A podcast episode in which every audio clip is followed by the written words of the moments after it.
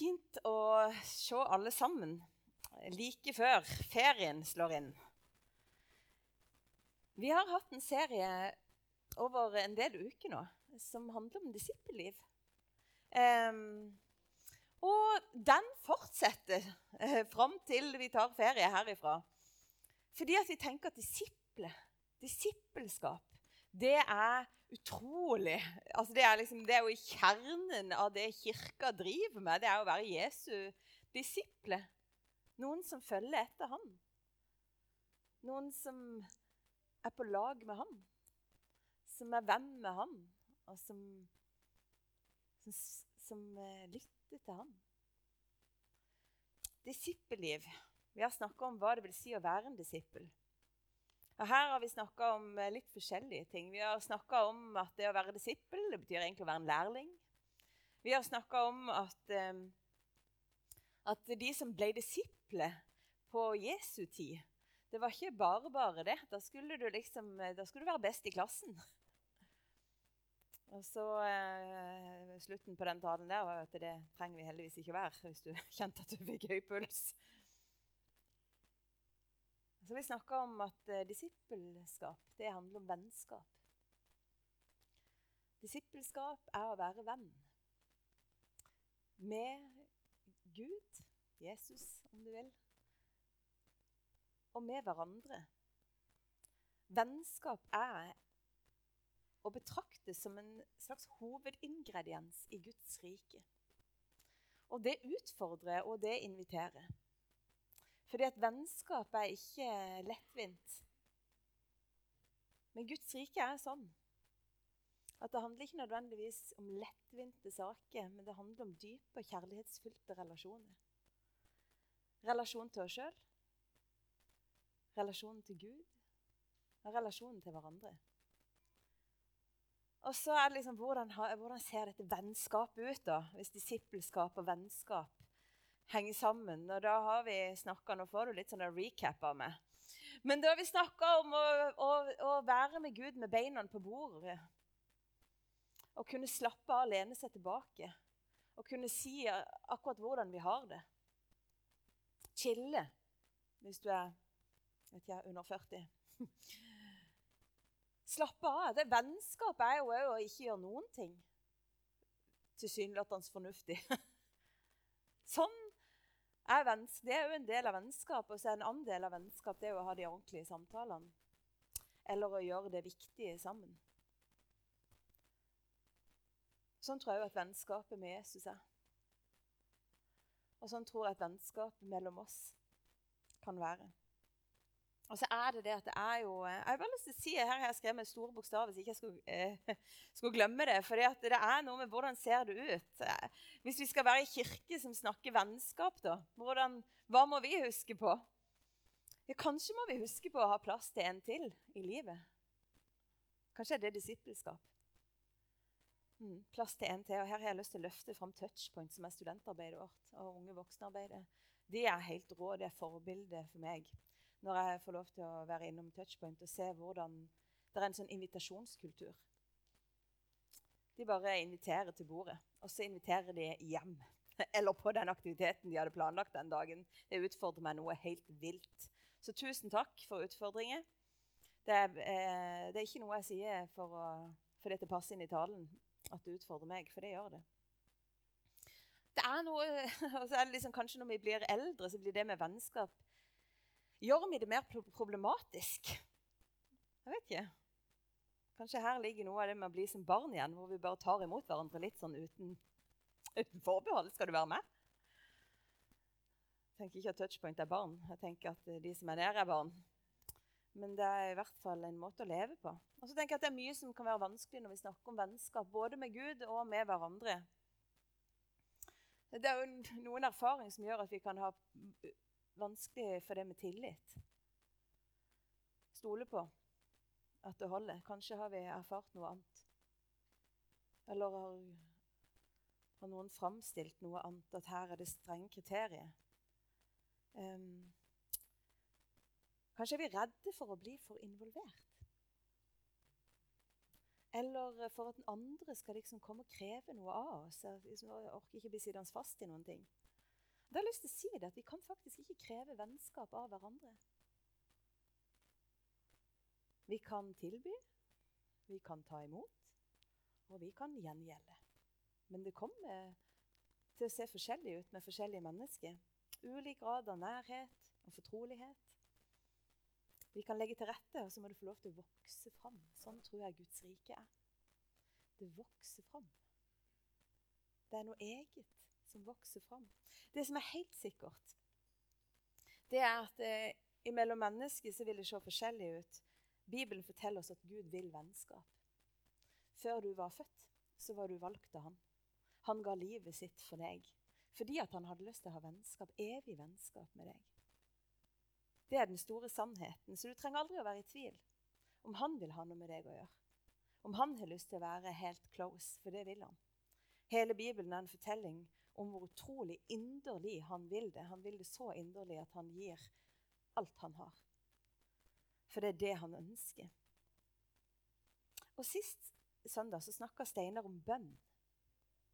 Det var veldig, et fint bilde av bønn med både Getsemane, nei, Edens hage og Getsemane. Hvor han snakka om ja, sånn er bønnelivet.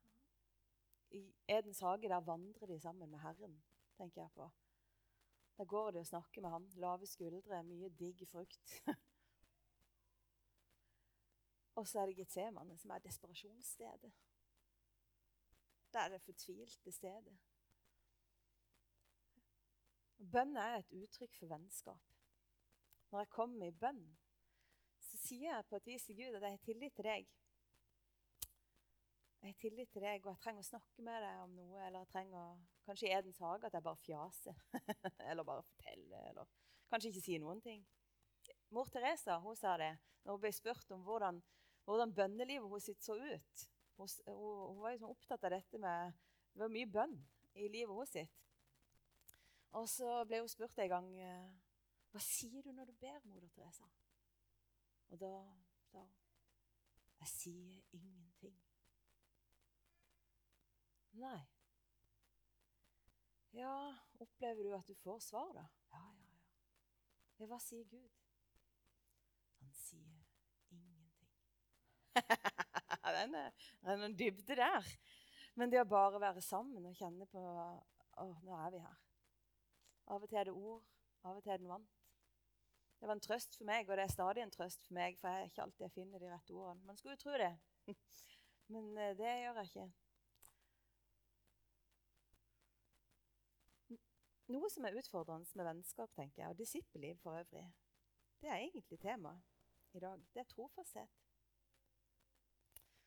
Og trofasthet Hva er det det betyr? Og Det har jo noe med pålitelighet å gjøre. En du kan stole på. Jeg vet ikke hvor jeg har det fra. Om det er en sånn gammel fortelling, eventyr eller hva. Men en sånn hund som heter Trofast. Altså, jeg jeg synes Enten heter de Fido eller så de Trofast i, i historien. Men Trofast er jo han som alltid er liksom med beina. Og som kommer når du skal noe. Noen, altså, det er jo kanskje et bilde på trofast Eller det er det jo. Mm, det er jo grunnen til at han heter trofast. Eh, og disippelliv det har noe med trofasthet å gjøre. Og, og hva er disippel? Bare for å komme tilbake til det. Jo, det handler jo om å følge etter Jesus. Og se på han, gjøre det han gjør. Og trofasthet er faktisk en stor del av Jesus sin hverdag. Han er trofast i de relasjonene han har. Like før han skal dø, så snakker han med Gud, med Faderen. Og så sier han, 'Jeg har ikke mista én av de du ga meg. Tatt vare på dem.' Og For noen søndager siden så sa jeg et sånt slogan som vi hadde i ungdomsarbeidet vårt. og Det var at det fins tusen grunner til å gå inn i en kirke, og det fins én grunn til å bli. Og det er vennskap. Og det har jeg tenkt på når Jesus sier dette. Jeg har ikke mista én av dem. Han har vært en leder. Han, han er Gud midt iblant dem. Og samtidig har han, han har hatt en haug av unge, gutter. unge gutter. De er tenåring, flesteparten av dem. Er klart han har vært venn. Det er klart de har hengt ut. Snakka om livet, ledd, bada. Han har ikke mista en av dem. Og så er Jesus trofast på en annen måte, for han er trofast i relasjonen ut med de andre på laget. Og så er han trofast i relasjonen sin til Gud. Og det er han gjennom bønn. Og eh, På Liv og vekst var jeg på et utrolig fint, fint, seminar som heter Jesu bønneliv. Det ble jeg inspirert av. Det skal jeg ikke holde nå.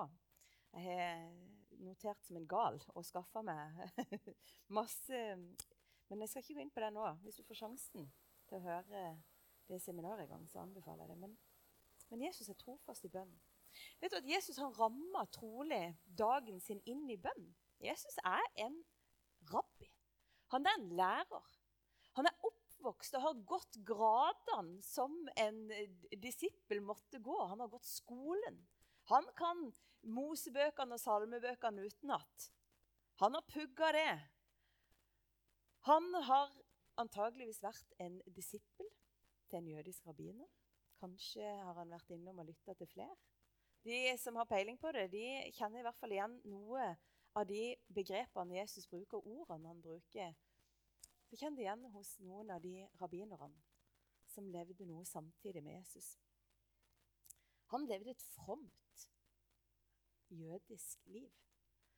Og han ramma trolig dagen sin inn i bønn. Hva er det de gjør, jødene? De ber morgen og kveld. Før dagen er kommet i gang, så uttrykker de skjema. Det er liksom trosbekjennelsen de sin. Og så sier de 'Herren vår Gud'. Herren er én. Og det er liksom en måte å starte dagen på hvor du på et eller annet vis sier at ja, Gud er en, og det fins ingen utenfor Gud. Det er Han vi lever, puster, beveger og er, og er til. Så starter de dagen bare med å si sånn der, 'Hvor er det jeg befinner meg?' Jeg befinner meg, jeg befinner meg i Han. Hvem er hos meg? Han er hos meg. Det er en utrolig vakker tradisjon.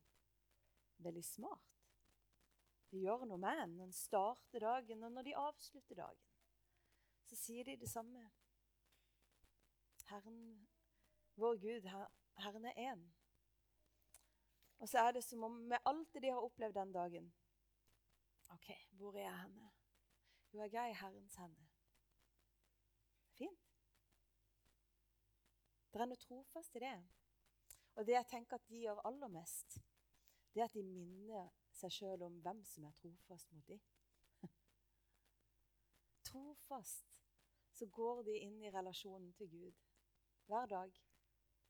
Og kanskje aller mest minner de seg om at det er han som er trofast til dem. Vi kan lese om at Jesus han går avsides. Han er faktisk trofast i en personlig relasjon med, med Gud, med Faderen.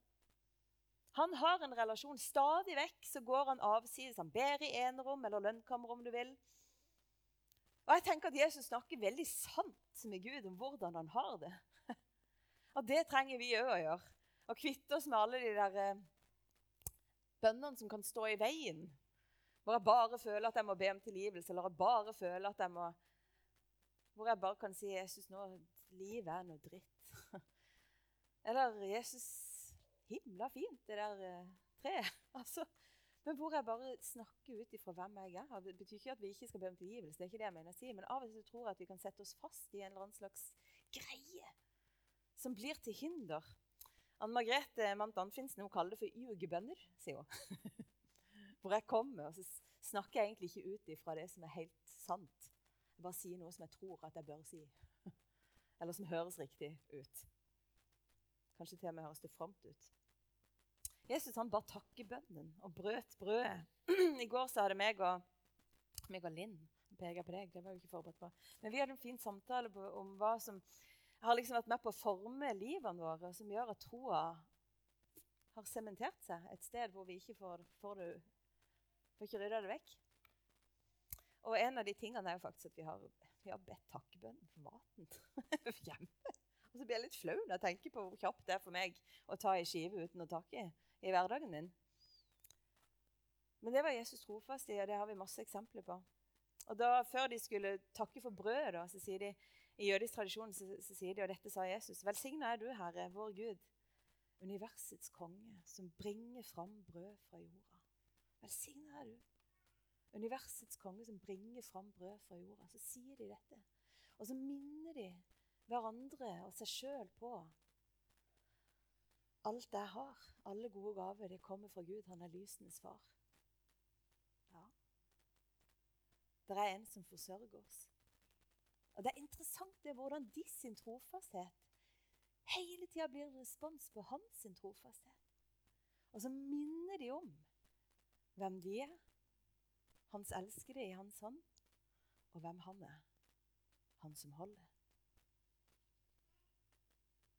Jesus er òg en som går i forbønn.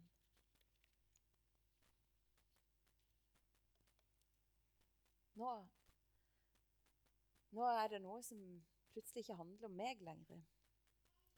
Å gå i forbønn fordi jeg elsker for denne verden. Å være en disippel er å, å be for. Det er å være en forbeder. Og hvem er det Gud har gitt deg? Det er kanskje de små som er i midten der. kanskje er det noen andre. Kanskje er det naboen din, det er kollegaen din. Hvem er det Gud har gitt deg? Vi er her i denne byen. Vi er her i dette landet, og vi lever i denne verden akkurat nå i en tid som denne. Å være en disippel er å være en forbeder, for det var Jesus. Og jeg tenker at Hva er det jeg er når jeg er en forbeder? Er jeg en som står utenfor og som bare nøder Jesus. Nå må du huske på. Jeg tenker at jeg stiller meg sammen med han. Jeg er en venn. Jeg er en som er på lag, og som, som bare Seieren er vunnet, og samtidig så kjemper vi. Sant? Vi løper fortsatt. Vi er her og strider den gode striden. Når Jesus ber, så ber han med Bibelen. Han kan han jo. Og kanskje det sterkeste uttrykket han har for det, det er på slutten av tjenesten sin her på jorda, hvor han henger på korset. og Da siterer han fra Salme 22. Hvordan er det nødropet høres ut når han skriker hvordan han har det? Når han sier noe om hvordan det er å være han akkurat nå, så sier han, 'Min Gud, min Gud, hvorfor har du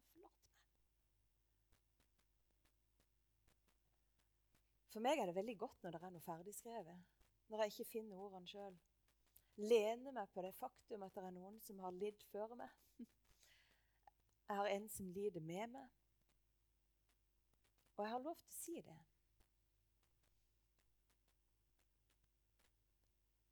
Og gjennom Skriften så blir jeg minnet om ikke bare hvem jeg er og får lov til å være, men hvem han er.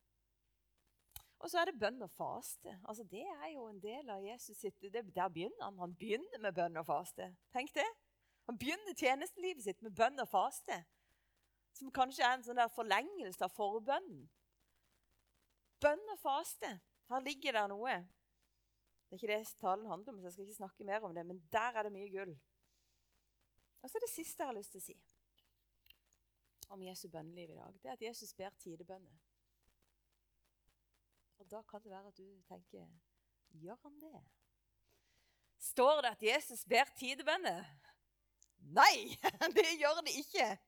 Det står ikke at Jesus ber tidebønner. Og likevel så er det et ganske godt grunnlag jeg har for å ta det med her. For Jesus sto i en tradisjon, skjønner du. Han var en jødisk lærer.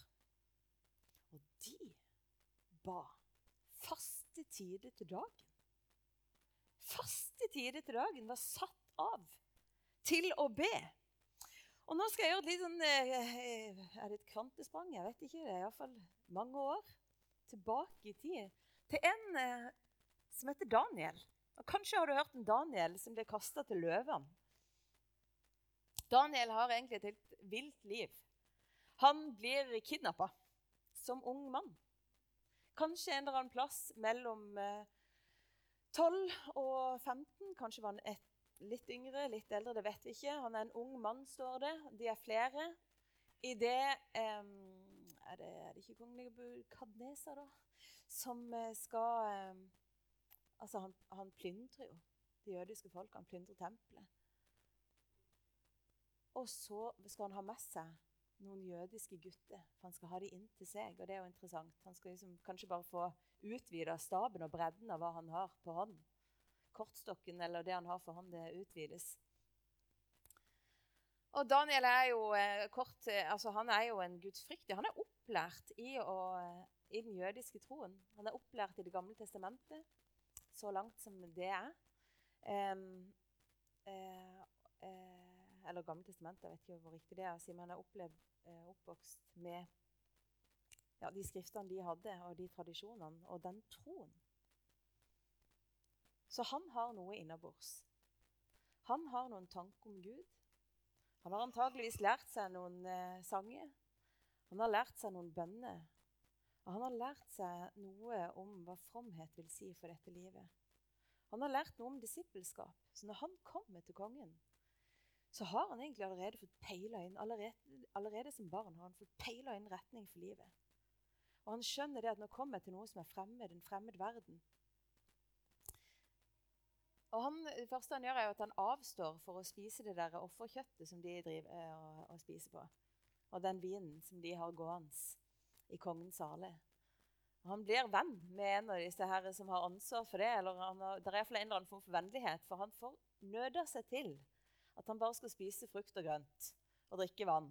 Og Det er Daniel-fasten, hvis du har hørt om den. Og så viser det seg det at det er godt for kroppen.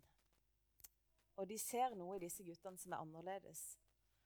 Og Hvis du leser historien, så, så sier den at Daniel var en meget vis mann. Han hadde Den hellige ånd på innsida. Faktisk står det at han hadde en høy ånd. Eh, jeg skal bare drikke litt. Jeg kan kjenne jeg trengte det. Og Daniel han er i stand til å tyde drømmer. Han har en visdom som de andre ikke forstår seg på. For den er gitt an av Gud. Og derfor så Til og med når Nebukadneser sin sønn blir eh, revet av tronen, og det kommer en ny konge inn, så blir Daniel minister i det, dette riket. Han er godt anerkjent. Tenker Han har levd i den verden han er, og gjort seg, han har skaffa seg gode relasjoner. Han har kanskje, kanskje kunne han si noe av det samme som Jesus sa, at det, det du ga meg, altså de du ga meg jeg ikke mista de. De relasjonene jeg fikk, var ikke de jeg hadde ønska, var ikke det min mor hadde tenkt for meg. Jeg har ikke snakka med henne på mange år. Men han har på et eller annet vis vært trofast i de relasjonene han fikk. Han har òg vært trofast i den relasjonen som han har til Gud. Og hver dag så står det at han ber. Sånn at når kongen når det kommer en helt ny lov om at alle skal tilbe kongen og ingen andre, hvis ikke så skal de kastes til løvene, da blir det en utfordring for Daniel. Fordi at han ber. Han ber morgen, ved lunsjtid og ved middag eller senkveld. Da ber han, og de vet det, for han gjør det ikke i smug. Han holder det ikke unna. Han er trofast til det som er gitt ham. Han er trofast til det som er blitt overlevert til ham. Og han ber. Og kanskje har vi tenkt noen ganger, i hvert fall har jeg gjort det, tror jeg, at jeg tenkte at hva er det han ber for? Ber han for byen? Er han inderlig? Hva er det han ber? Nå skal du se. Det er nemlig en ganske kjent bønn. Den kalles Adon Olam. Universets herre, som regjerte før noe var skapt. Da alt ble danna ved hans vilje, ble han anerkjent som konge. Og når alt skal ta slutt, vil han alene fortsatt regjere. Han var, han er, og han vil forbli i ære. Og han er én, og det fins ingen andre. Å sammenligne eller tilføye til ham. Uten begynnelse, uten ende. Og han tilhører herredømme og makt. Han er min Gud, den, min levende Gud. Til ham tar jeg tilflukt i sorgens tid. Og han er mitt mirakel og min tilflukt som svarer den dagen jeg kaller. Til ham overgir jeg min ånd. I søvnens time og når jeg våkner. Ja, når min ånd forlater meg. Gud er med meg. Jeg skal ikke frykte. Barn. Morgen, middag og kvelds. Han som er trofast i de relasjonene som er i dette helt forkvakla riket som han er plassert, med alle de ideene som spant rundt der. Han har vært trofast. Han, har vært, han må ha vært en vennlig mann i relasjonene, for ellers tror jeg ikke han hadde hatt en sjanse. Men han holder fast på den trofasten, trofasten, trofastheten som han har lært opp til. Og han ber denne bønnen, min Gud, min tilflukt. En dag, når min ånd opphører, det er det der jeg hører hjemme. Og så sier han dette høyt, vet du. Vet, vi har, Av og til har jeg tenkt vi har noe å lære av våre muslimske venner. Som bare har det så inn i pulslagene sine at de skal venne seg til Gud på faste øyeblikk. Det er ikke sikkert de var først, skjønner du. Dette ligger dypt. Dette ligger dypt i historien. Å ha faste tider. Og jeg tenker med meg sjøl hva er det Daniel gjør? Jo, han minner seg sjøl om. Han løfter opp Guds navn, og så minner han seg sjøl om hvem Gud er. Og han plasserer seg sjøl i Guds hender. Og for, jeg tenker, Idet du er en fremmed et sted, og kjenne på hvor fremmed det er å være menneske iblant et folk som ikke tenker likt som deg, enten det er på jobben din, eller på skolen din, eller et annet sted i familien, eller hvor du befinner deg. Der Daniel er, så er det jammen ikke lett, og det er jo stadig en trussel for overlevelse eller ikke. Hva har jeg? Den høyeste Gud, kongenes konge. Han som var før alt, som alltid skal være. Han som holder alt i sine hender, han som opprettholder alt liv. Han er min Gud, han er min tilflukt. Jeg tenker at bønnen, jeg tror, Hvis jeg skal være helt ærlig, når jeg var yngre, så tror jeg jeg tenkte at Daniel var veldig flink. Han var veldig flink. Tenk å holde ut med alle de bønnene. Og i dag tenker jeg kanskje det trengte du, Daniel. Det trengte det trengte du for livets skyld. Du trengte å øve opp trofastheten din, for du trengte det for livets skyld. Og det ble til frelse på et vis. Det ble til forkynnelse. Noen fikk hørt. Noen fikk sagt, etter at de fikk se Guds storverk, at dette er den høyeste Gud. Daniels Gud, han er den høyeste. Og Så ramla det i hop igjen, og så var det en ny kamp. Og Daniel han slipper ikke unna, for han blir kasta til løven. Og så overlever han det. For den høyeste Gud er nemlig hos ham.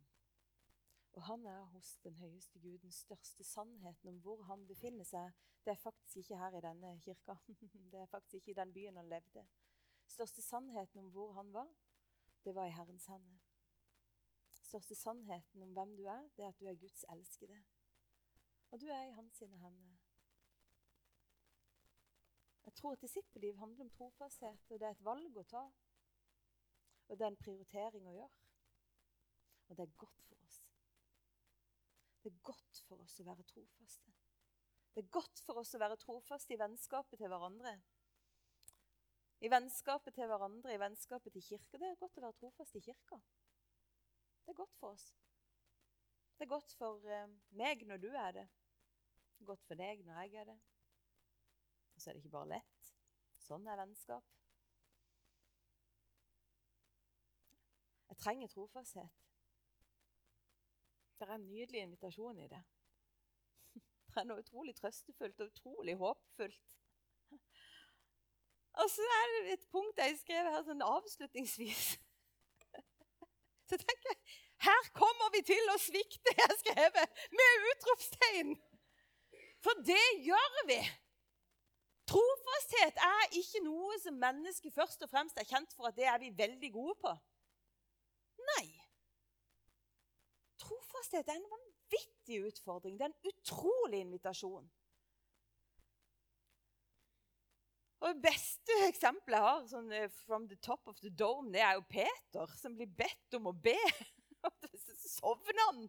Herre fred, jeg sovner ofte og spiser den skiva mi uten å huske å takke for noen ting som helst. Går i gang med dagen min. som pastor.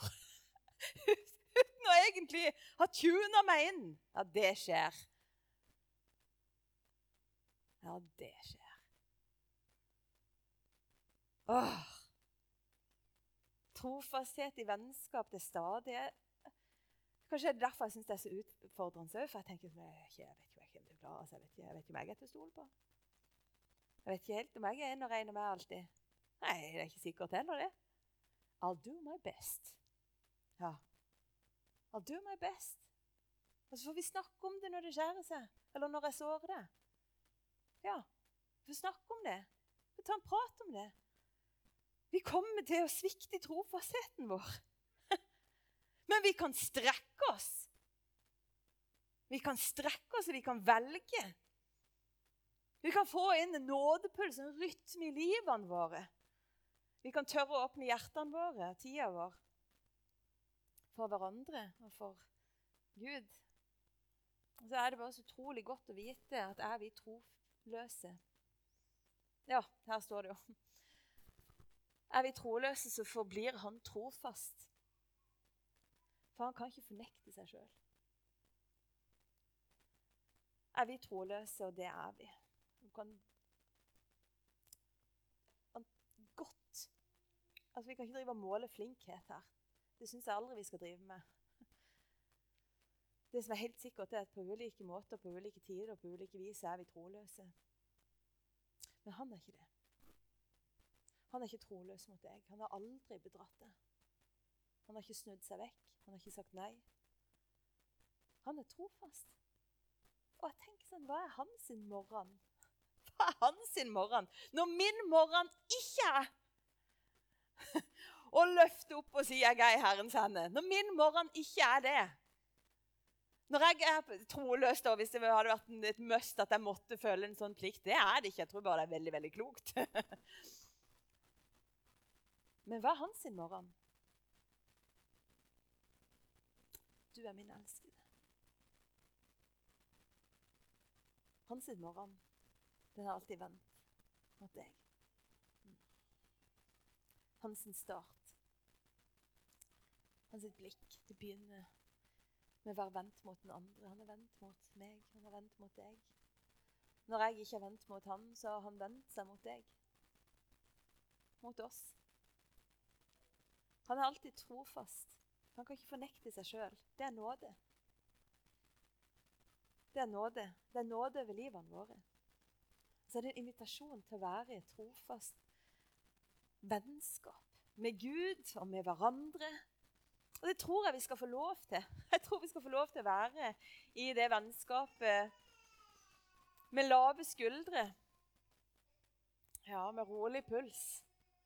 Eller med gråten vår. Akkurat sånn som vi er. Skal vi få lov til å komme til Herrens hus? Men kanskje er det mer riktig å si til ansiktet hans sitt. Og måtte det være sånn at akkurat sånn som vi er, så kan vi komme til hverandre sine ansikt. Hmm. Jeg, har tenkt, jeg har tenkt det at dette er et vennehus i Tromsø. Og jeg har sett for meg at hvis man skulle lagd ei barnebok så ville jeg lagt en barnebok om Tromsø og husene som var venner med hverandre. og at dette er et hus hvor det går an å lene seg til. Ja, for det kan man hvis det er en venn. Kan man lene seg. Vi ber. Herre, tusen takk skal du ha for vennskapet du inviterer oss til. For den udødelige kjærligheten du har hver enkelt av oss. Takk at du inviterer oss, Herre, til noe som er bra. Det er godt for oss. Det er godt for oss, Herre. Og det står om dine disipler og apostler at de holdt seg trofast til ordet, bønnen.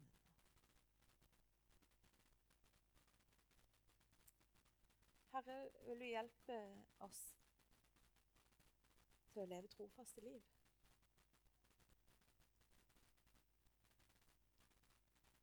Å være venner på ordentlig. Vi har lyst til å se ditt rike komme. La din vilje skje, Herre. Kom, Hellige Ånd.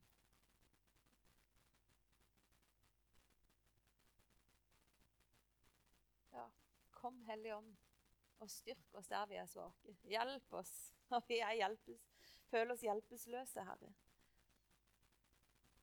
Takk at du, eh, du har nåde med oss, Herre. Og så leder du oss på den veien som gir liv. Takk skal du ha.